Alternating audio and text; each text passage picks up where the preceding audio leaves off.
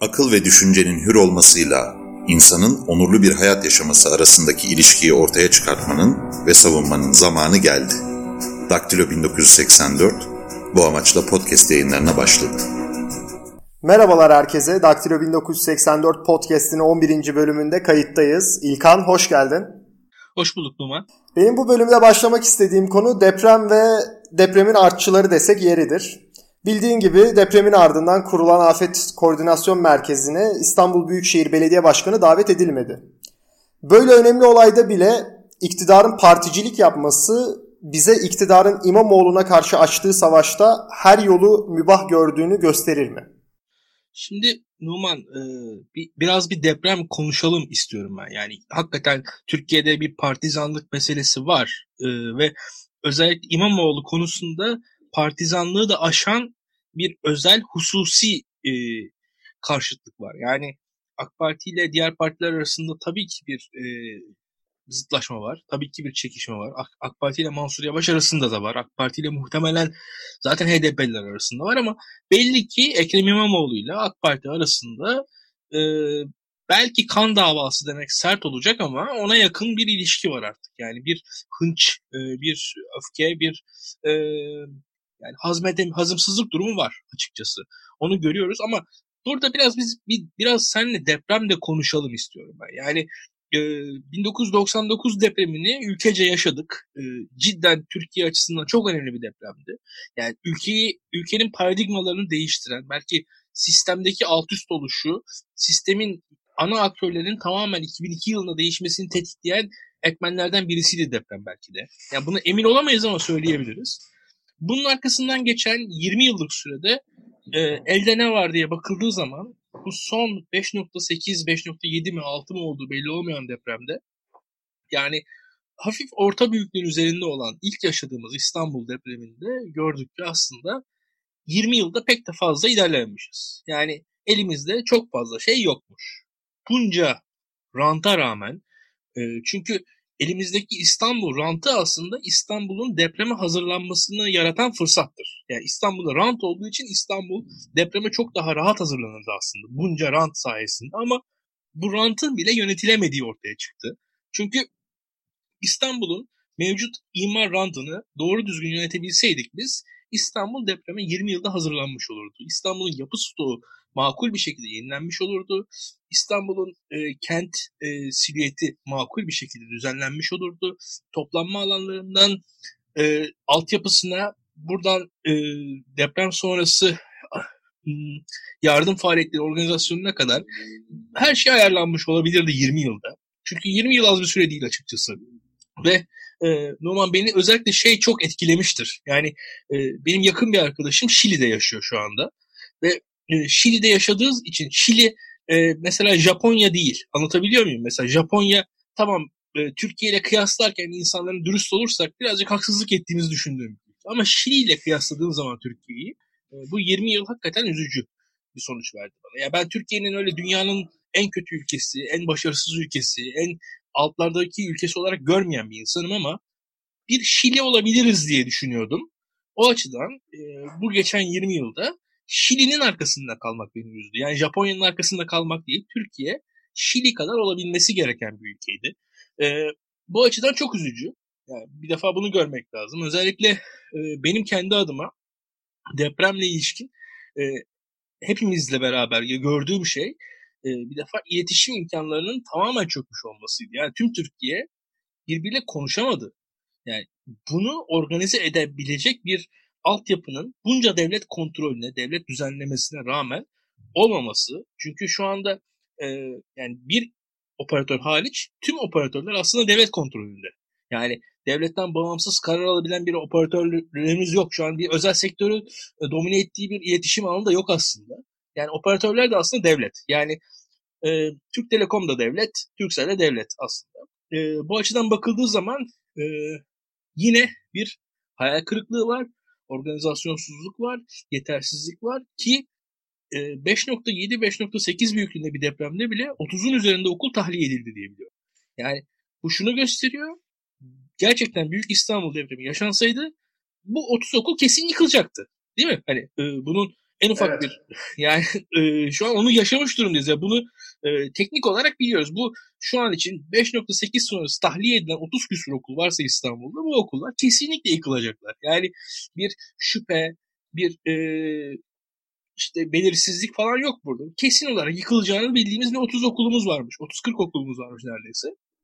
Ki bu gösteriyor ki 20 yılda hani en çok inşaat yaptık. Çok zenginleştik güya ama bunu da yapamadık. Hani e, hani hep diyoruz ya işte Türkiye'de yüksek katma değerli e, sektörler gelişmedi, eğitim sektöründe ilerleme olmadı, e, Türkiye'de atıyorum insan hakları gelişmedi falan ama inşaat iyiydi. Ya hani inşaat iyiydi? Anlatabiliyor hani madem inşaat iyiydi bari bu iyi olsun. Yani çok o açıdan e, bu deprem meselesi e, asıl üzücü tarafı şu. Türkiye'nin bu halledebileceği bir sorun. Türkiye mesela bazı sorunlarını e, kolay kolay kısa vadede halledemeyebilir. Bunu görebiliriz biz. Mesela Türkiye'nin atıyorum e, eğitim meselesini veyahut da e, yüksek katma değerli ürün yaratma kapasitesini bir 5-10 yılda halletmesini beklemeyebilirsiniz. Ama birkaç 10 yılda Türkiye'nin deprem sorununu çözmesini bekleyebilirsiniz. Çünkü Türkiye'nin teknolojik kapasitesi, Türkiye'nin ortalama e, mühendislik gücü, Türkiye'nin ortalama emek gücü, ortalama sermaye gücü aslında depreme hazırlanabilecek bir ülkenin gücü. Yani Türkiye bu güce sahip. Yani Türkiye'nin artı mesela şey durumu da yok. Mesela İtalya gibi ülkelerde e, restorasyon, e, inşaat faaliyetleri falan çok kısıtlıdır. Türkiye öyle bir ülke de değil. Her yeri yıkıp yapabiliyorsunuz. Türkiye kültürel olarak binaların yıkılamadığı, yeni binaların yapılamayacağı bir ülke değil. Yani geçmişine falan bağlı bir ülke de değiliz biz açıkçası. Eski binaları falan koruma gibi bir düşüncemiz de yok. Ona rağmen sonuç elde edilemiyor. Çok üzücü. Birazcık e, çok standart sözler söyledim ama söylemek istiyordum bunu.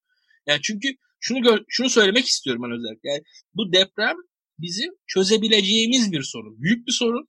Katılıyorum. Çok büyük bir sorun. Ama e, kontrol altına alabileceğimiz, çözebileceğimiz bir mesele. Şu anki Türkiye'nin şu anki gücüyle, şu anki ekonomik, bilimsel, mühendislik, emek ve sermaye gücüyle şu anki Türkiye bu sorunu esasında çözebilirdi. Ve çözemedi. Açık konuşalım. Yani Türkiye mesela nasıl? Yani bu iktidar başarıyla duble yollar yaptı. Değil mi? Çok başarılı yaptı. Yapılabilir bir şeydi. Yaptı açıkçası. Depremde bunu yapamadı. Öyle söyleyeyim. Yani e, aşılabilir bir krizdi. Türkiye bunu aşamadı diye düşünüyorum. E, ancak tabii illa kötümser olmaya gerek yok. İlla en kötü senaryonun gerçekleşeceğini e, den korkmaya da gerek yok. Sonuçta inanılmaz bir şekilde kötümserliğe hiç gerek yok. Türkiye bu sorunları çözebilir. Ancak e, dediğim gibi birazcık daha ciddiyet e, gerekiyor diye düşünüyorum. Zaten bu ciddiyet de senin soruna getiriyor bizi. E, deprem gibi bir meselede bile e, iktidarla muhalefet arasında bir iletişim sorunu olduğu ortaya çıkıyor. Burada iki türlü düşünmek gerekiyor. Birincisi iktidar tarafında bir hazım sorunu olduğu açık. Bunu bunu söylemek lazım. Yani e, bunu ben süreci izledikçe gördüm. Buna karşın iktidarın hazım sorunu, muhalefetin de iletişim sorunu var. Muhalefet de kendisini nasıl konumlayacağını bilemiyor. Kendisini doğru anlatacak dili, dili kurmakta henüz kabiliyetli bir şekilde yeterli değil muhalefet odakları diye düşünüyorum. O açıdan Ekrem İmamoğlu biraz zora sokan da kendi e, ekibiydi diye düşünüyorum bu süreçte. İlla bu süreci de şöyle söyleyeyim. E, Ekrem İmamoğlu bir taraftan kendisini e, ciddi bir siyasal aktör olarak önde göstermek istiyor. Aynı şekilde e, bir taraftan diğer taraftan da e, iktidarı eleştirmek istiyor. Ancak ikisi iki e, iki söylemin çeliştiği yerler olabiliyor. Burada da şöyle bir durum var. E, iktidarla çatışma alanlarını tercih etmeye çalışıyor Ekrem İmamoğlu. Yani işte atıyorum yolsuzluk demiyor, israf deniyor. Bu bir çatışma alanı tercihi. İktidara çok sert vurmuyor, yavaş vuruyor. Bir şekilde böyle daha yavaş vurarak iktidarın seçmeninden olabildiğince kendisine e, sempati devşirmeye çalışıyor. Bu bir tercihtir. Öyle söyleyeyim. Yani yumuşak muhalefet tercihi var. Ancak bazen de bir şeyler söylemesi gerekiyor. Bir noktada iktidarın sertliğine karşı cevap vermesi gerekiyor. Bu cevapların tonu konusunda İmamoğlu ve ekibi arasında koordinasyonsuzluk var. Öyle söyleyeyim. Çünkü İmamoğlu'nun ekibinden geldi e, bu e, AFAD'la e, AKOM arasındaki iki farklı e, afet koordinasyonu toplantısına dair ilk e, haber yani ve o onun arkasından bu haber e, Ekrem İmamoğlu'na sorulduğu zaman İmamoğlu e, doğru, açık ve net, sarih bir cevap veremedi. Bu da zaten iletişim sorunu yarattı. O iletişim sorunu üzerinden yandaş medya olayı başka bir yöne çekmeye çalıştı. Arkasından birkaç gün sonra İmamoğlu olayın açık e, olayı açıklayan daha net bir pozisyona doğru kendini çekti. Bu da aslında şey hani AK Parti ile nasıl mücadele edileceğine dair İmamoğlu ve ekibinin arasında bir koordinasyon eksikliğini gösteriyor diye düşünüyorum. Sen İmamoğlu'nun daha güvercin olduğunu mu söylüyorsun, daha şahin olduğunu mu söylüyorsun? Ben İmamoğlu'nun daha güvercin olduğunu söylüyorum. Ancak şöyle e, güvercin derken pozisyonunda aslında İmamoğlu çok sert. Kendi pozisyonu anlatmak konusunda çok net ama ekibindeki insanların e, dilleri tutarlı değil. Ya birazcık daha açmam gerekiyor belki bunu.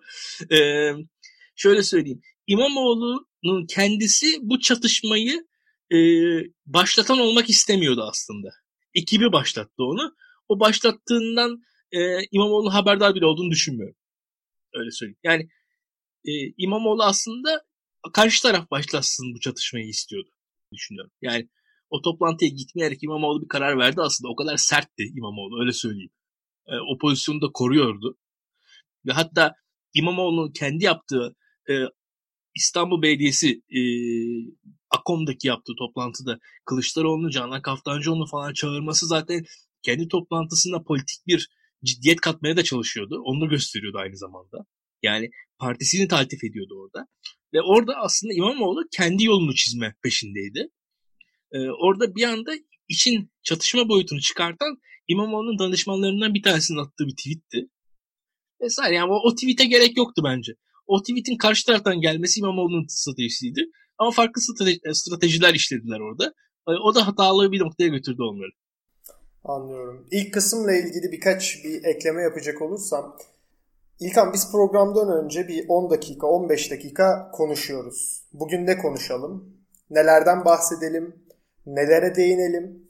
Bunların hepsini planlı bir şekilde yapıyoruz. İşte yönetim kurulları toplantılardan önce böyle kendi aralarında gündem belirliyorlar.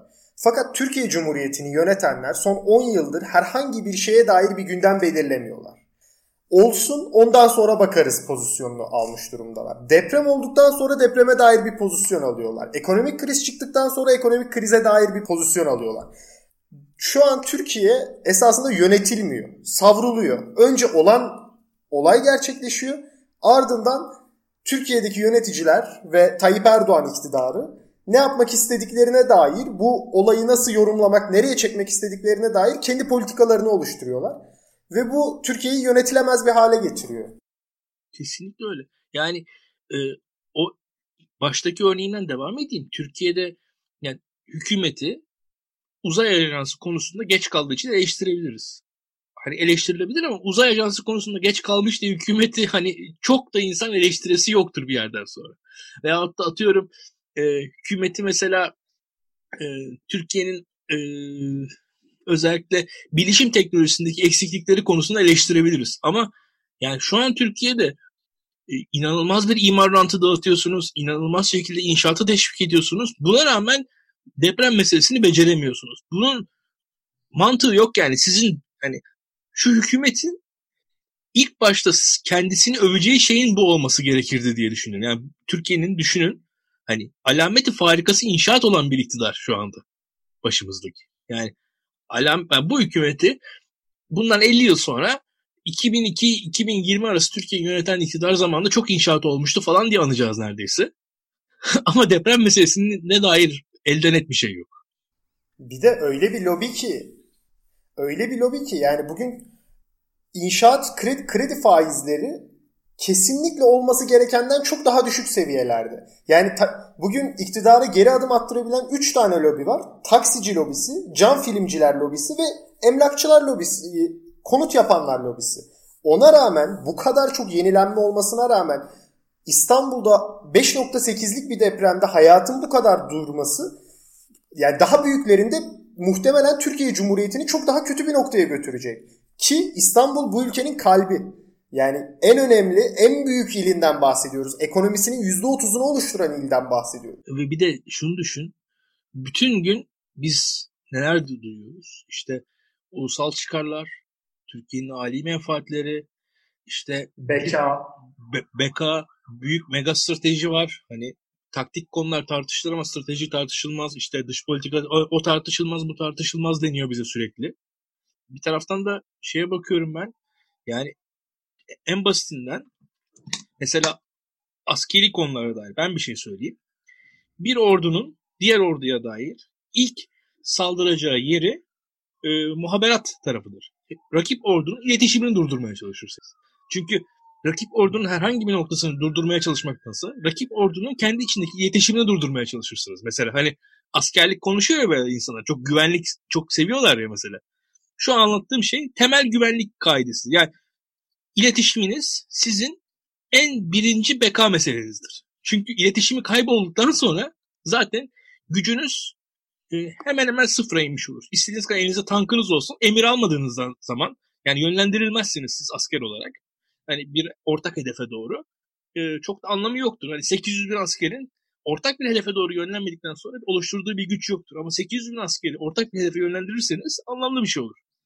Bugün İstanbul'daki 5.8'lik depremden sonra ne oldu? Ya, Türkiye'de iletişim çöktü. Anlatabiliyor muyum durumu? Evet kesinlikle anlatabiliyorsun. Yani söylenecek çok şey var aslında üstüne yani, ama biraz yani da çok, başka konulara mesela, da geçmek hani istiyorum. Iki, iki tane savaş gemisi karşılaştığı zaman birbirlerinin iletişim e, e, antenlerini falan vurmaya çalışırlar. Çünkü yani birbirinin birbirlerinin topunu falan vurmaya çalışmazlar. Birbirlerinin benzin deposunu, mühimmat deposunu vurmaya çalışmaz iki savaş gemisi. İletişimini durdurmaya çalışır o savaş gemisinin karşısındakini. Mesele odur zaten yani. yani iletişimi durduktan sonra zaten e, savaşta fiilen etkisiz hale gelmiştir. Savaş dedin o zaman benzer ve alakalı bir konuya geçelim. Geçtiğimiz hafta Teknofest düzenlendi. Ülkemizin güzide savaş ürünlerinin maketlerini gördük. İşte 2014 yılında seri üretime geçmesi ta- beklenen tanklardan tut, hayalet uçaklarımızın maketlerine kadar her şey vardı bu festivalde. Türkiye savunma sanayi nerede İlkan senin gördüğün noktada? Başarılı mıyız? İnsansız hava araçlarımız var. Ama aynı zamanda motor olmayan tanklarımız da var. Ne durumdayız? Şimdi ben yine biraz konuyu uzatacağım izninle. Bir defa bu Teknofest e, gerçek anlamda değerlendirilmesi gerekirse Sayın Cumhurbaşkanımızın değerli e, küçük damadı üzerinden değerlendirilmesi gerekir diye düşünüyorum.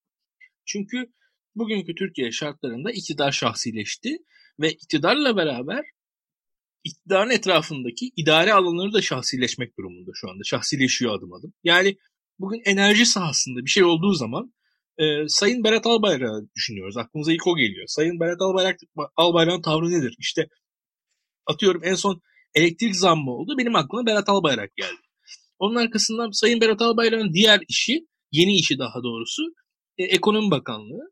Ekonomiye dair bir şey olduğu zaman aklımıza Berat Albayrak geliyor. Sayın damadı geliyor Cumhurbaşkanımızın. Aynı şekilde Teknofest dendiği zaman da e, bu, bu sefer de e, Selçuk Bayraktar, Sayın Cumhurbaşkanımızın diğer damadı aklımıza gelmeli. Yani Selçuk Bayraktar'dan ayrı bir Teknofest düşünülmez ki yavaş yavaş Türkiye'de savunma sanayi dendiği anda da Sayın Cumhurbaşkanımızın e, diğer damadı Selçuk Bayraktar aklımıza gelecek gibi gözüküyor. Bir defa bunu ortaya koymak gerekir. Yani e, bugün e, başka bir e, ülke olsaydı başka bir e, yer olsaydı bazı gazetecilerimiz bu olan ilişkiye konflikt e, hani conflict of interest çıkar çatışma. Evet çıkar çatışma. Bu yani bir e, tek alıcısının devlet olduğu e, bir ürünü üreten kişinin e, bir cumhurbaşkanının damadı oluşu dünyanın başka yerlerinde bir sorun, bir şüphe, bir soru işareti doğuran bir şey olur diye düşünüyorum. Ancak tabii Türkiye şartlarında vatan, millet vesaire deniyor ve bu konular pek böyle düşünülmüyor. Yani bir bunu ortaya koyalım. Yani bu, bu bir meseledir yani açıkçası. Ee, ve bunun bu bunun süreç içerisinde yarattığı şeyler düşünülmelidir diye düşünüyorum bir defa. Yani bu e, bunu görmezden gelemeyiz. Ortada bir sorun var bence. Ama Türkiye böyle. Ne yapalım? Ee, biz de bu Türkiye'ye göre konuşalım. Şimdi e, Numan, e, Türkiye'nin e, savunma sanayiyle olan ilişkisi çok eski bir ilişki. Yani illa tarihe gidersek e, Fatih Sultan Mehmet'in e, Macar usta Ubrams vasıtasıyla döktürdüğü toplara kadar gidebiliriz neredeyse. Yani e, askeri teknoloji öyle bir şey ki yayılan bir şey. E, askeri teknolojinin teknolojinin alameti farikası yayılması. E, barut Çin'de bulundu ve birkaç 10 e, yıl içerisinde tüm dünyaya yayıldı. Aynı şekilde top teknolojisi adım adım gelişti ve o gelişme tüm dünyaya yayıldı. Osmanlı bir zamanlar e, askeri teknolojide öndeydi ve çok ilginç bir şekilde e, bugün tarihe baktığımız zaman Hindistan'da, Endonezya'da e, tüfek kullanımıyla e, Anadolu kökenli insanlar arasında ilişki e, biliyor insan. Yani Rum Rumlar bize öğretti diyorlar. Türkleri kastederek Hindistan'da, Endonezya'da falan tüfek kullanmayı. E, ve o kadar ilginç bir şey bu. Arkasından da Avrupalılar zaten bu savaş teknolojisinde, silah teknolojisinde öne geçiyorlar ve dünyada egemenliklerini koruyorlar. Biraz böyle uzun bir konu olacak bu. Ee, bizde de bu teknolojide adım adım geri kaldığımızı biliyoruz. Yani Osmanlı'nın çöküşü bu savaş teknolojisindeki, silah teknolojisindeki geri kalmayla paralel gitti. Osmanlı ile birlikte bizim e, silah teknolojimiz geri kalmıştı. Arkasından Cumhuriyet'le beraber e, Osmanlı'dan devralınan e, askeri teknoloji ve silah e, altyapısıyla, ordu altyapısıyla beraber yeni bir döneme geçildi. Ama bu yeni bir dönemde zannedildiği gibi Cumhuriyet'in ilk yıllarında bence o kadar büyük ilerlemeler sağlanmadı aslında.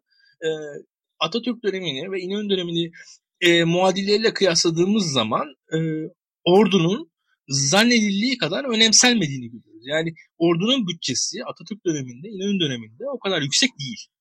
Ve e, yani pek de Türk ordusu iyi şekilde teçhizatlanmış durumda değildi. Yani e, ordudan biraz biraz tasarruf ediliyordu. Orduya o kadar da önemsenmiyordu aslında o zaman da. Daha ziyade sayıyla kendi e, asker sayısıyla kendisinin güvencesini sağlayan bir yapıdaydı.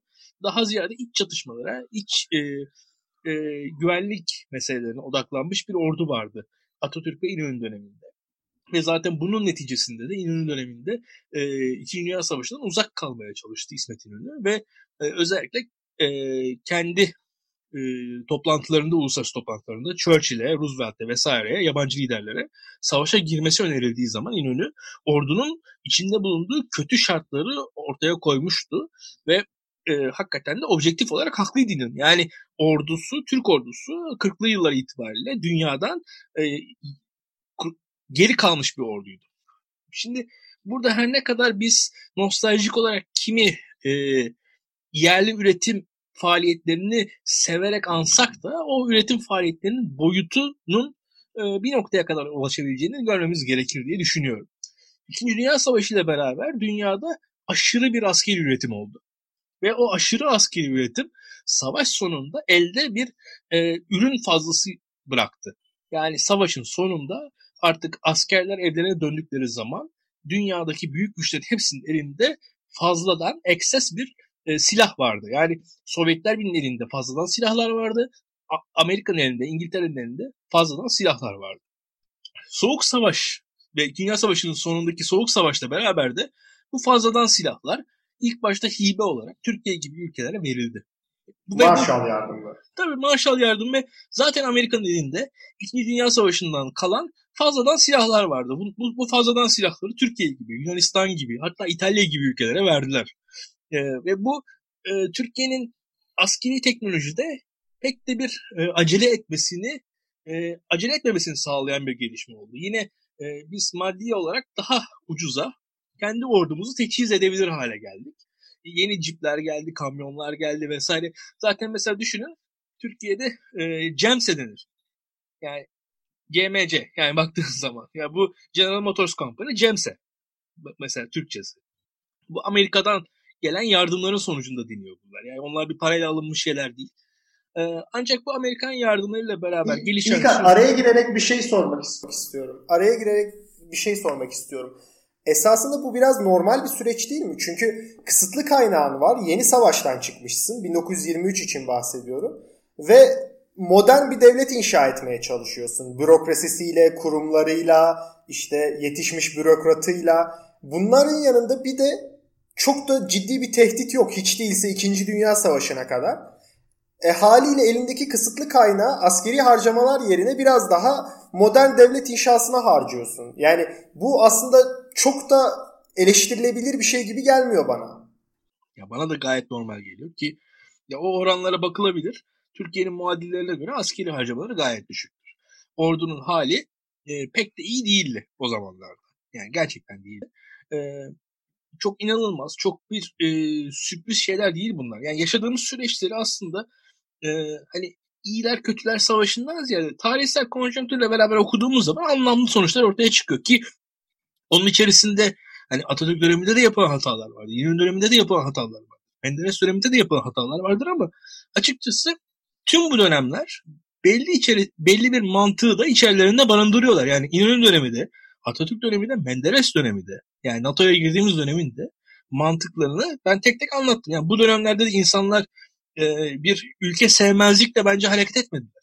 Hepsinin e, bir mantığı vardı ve bir tutarlılıkları bence vardı içlerinde diye düşünüyorum. E, tabii burada şöyle bir şey var. Bazı konularda daha erken hareket edilebilir miydi? Daha çabuk e, e, hareket edilebilir miydi? Erkenden esasında Türkiye dünya pazarına girse nasıl sonuçlar alabilirdi? Bunlar tartışılır tabii. Yani bunlar her zaman tartışılır.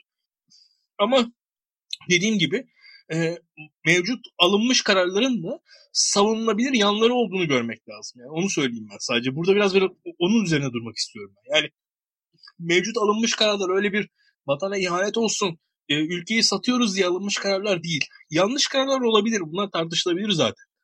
Bu ayrı mesele ama e, ben en azından niye alındığına dair kendi gördüğüm, yani o kararları alanlar niye o kararları aldılar diye kendi düşündüğüm, kendi bulduğum şeyleri söylemeye çalışıyorum. Bu benim söylediklerim de tabii ki mutlak şeyler değil, tartışılır.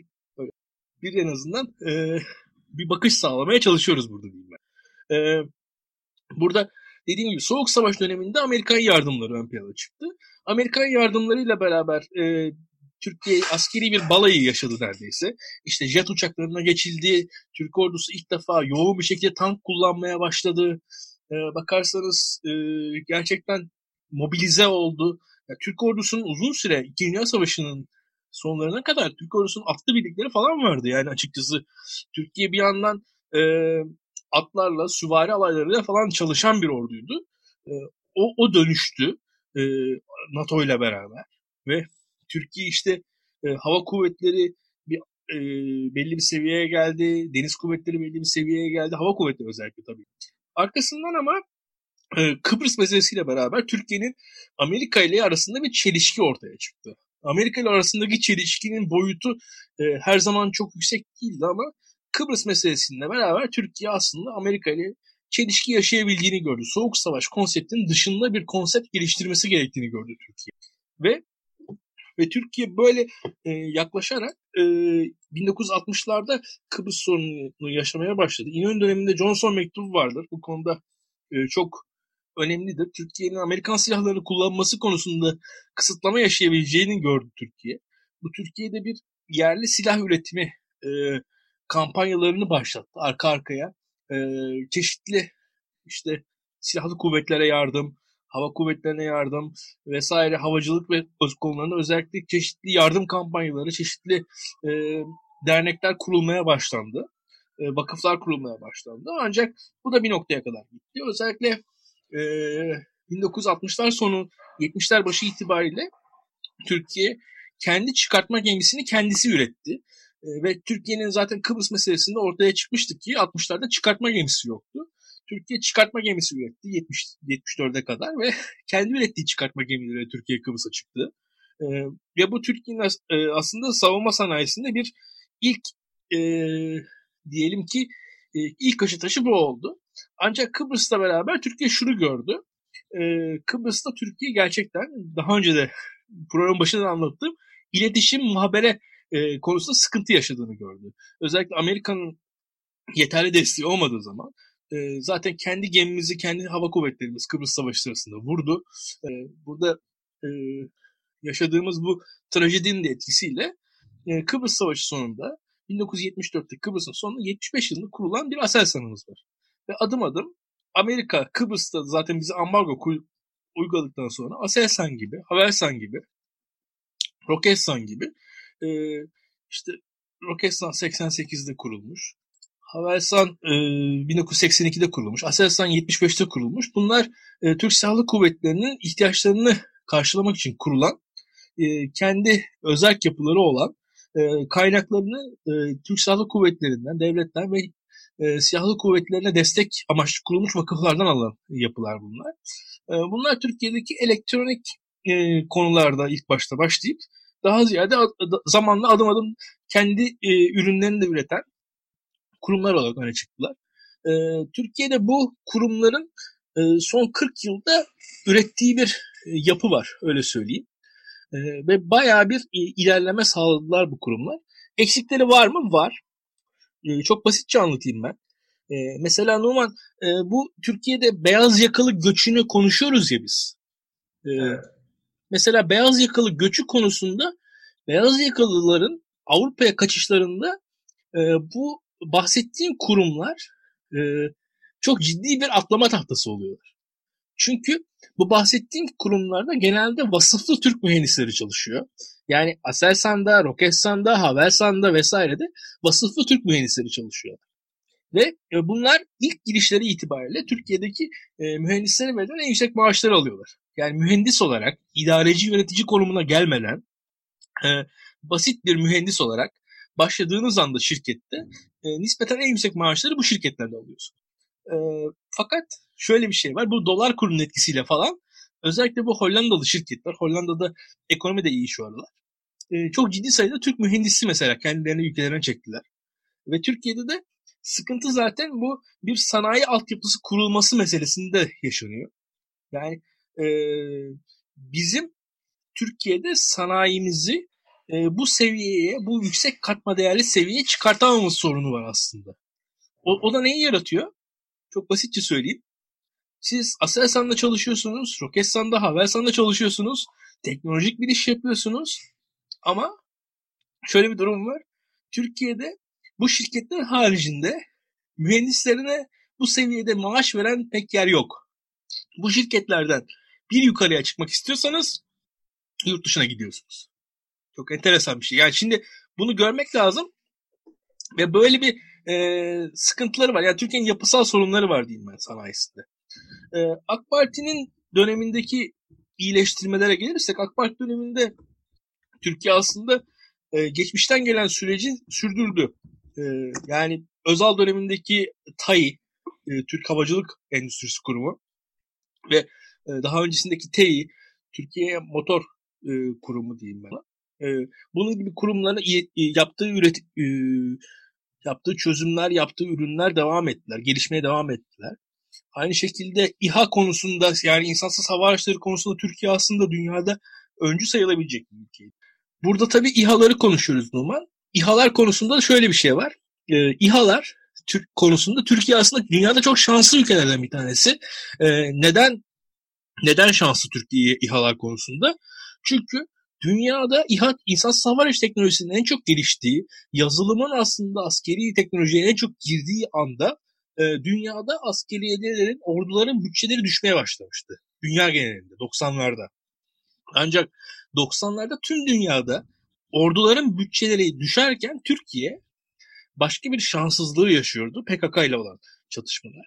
E PKK ile olan çatışmalar Türkiye'deki e, Türkiye'nin aslında e, şeyini e, askeri teknolojiye yatırımını arttırdı.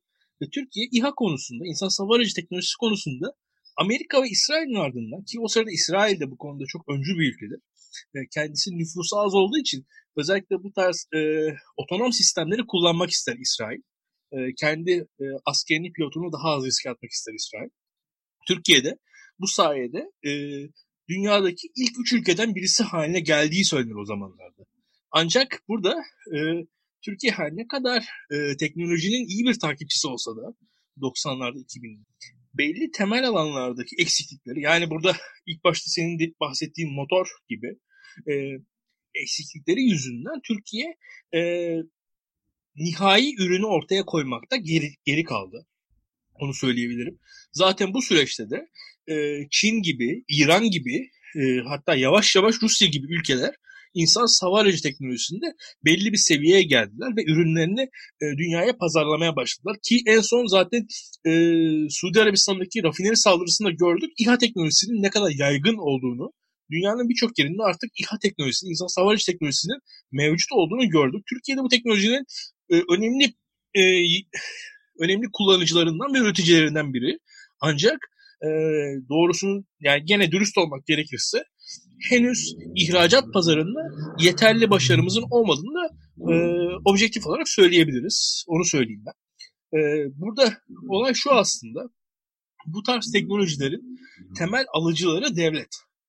Bizim bu teknolojileri yaşatabilmemiz için e, devletle özel sektör arasında bir dengenin kurulması gerekiyor ve e, satılabilir ürünlerin ortaya çıkması gerekiyor. Yoksa alıcı devlet olduktan sonra yani oradan o garanti para geldikten sonra e, bu işin e, varabileceği yer sınırlı. Öyle söyleyeyim. Çünkü devletin de alacağı şeyin, alacağı ürünün bir sınırı var diye e, düşünüyorum ben burada. E, ve burada da sıkıntı zaten az önce bahsettiğim şey e, bu Aselsan, Havelsan gibi şirketlerin nasıl özel sektörle e, ilişkisi gibi bu ürünlerin de özel sektör versiyonlarının ortaya çıkmasında e, görmemiz gerekir diye düşünüyorum ben. Bunun dışında tabii çok sorun var, çok eksik var. Ben bu konuyu daha çok uzun konuşmak isterim. Çok tartışmak isterim ama sanırım bugünlük bu kadar yeter. Ee, dediğim gibi İHA teknolojisi konusunda Türkiye aslında eskiden daha da öndeydi. Şu an bir noktada kendini tutmaya çalışıyor. Ee, biz daha izleyeceğiz bu konuyu e, öyle söyleyeyim dünyada yavaş yavaş farklı ülkeler Çin gibi İran gibi ülkeler bu konuya giriyorlar ve Türkiye'den de farklı olarak ihracat yapıyor bu ülkeler izlemek lazım. Zaten bu e, bahsettiğin devlet destekli bebek endüstriler oluşturmanın en temel amaçlarından bir tanesi yani teoride en e, vurgulanan noktalarından biri e, bu endüstrileri ihracat odaklı geliştirmek. Yoksa devlet desteğini çektiği anda rekabete açıldığı anda tamamen e, savunmasız kalıyorlar ve bu yüzden bu üretim şeklinde aslında o yani bebek endüstriler hipotezine göre e, ihracat yapmıyorsanız beslediğiniz sektör aslında verimli bir yere doğru gitmiyor demek. Mesela yani Aselsan'da çalışan bir mühendisin Aselsan'da çalıştığı gibi Aselsan'da iki yıl çalıştıktan sonra atıyorum daha iyi bir e, makam, mevki ve daha kaliteli bir iş için başka bir yere geçeceği zaman Türkiye'de geçebileceği yerler olması lazım. Yoksa daha iyi paraya çalışabilir. Evet. Yoksa sizin Aselsan'da eğittiğiniz mühendisle siz Hollanda'ya adam yetiştiriyor oluyorsunuz. Çok haklısın İlkan. Teşekkür ediyorum katkıların için. Ben teşekkür ederim Numa. Bu podcast'in duyurusundan da anlayabileceğiniz gibi YouTube kanalımızı kurduk. Şimdilik kanaldan sadece podcast'leri yayınlayacağız ama bir ay içerisinde video yayınlarına da başlamayı düşünüyoruz. Lütfen YouTube kanalımıza da abone olun. Ee, bize ayda 5 dolar gibi 10 dolar gibi bağışlar yapmak isterseniz Patreon hesabımızın linkini açıklamada bulabilirsiniz. Dinlediğiniz için teşekkürler. Abone olmayı unutmayın. Gelecek bölümlerde görüşmek üzere. Hoşçakalın. Hoşçakalın.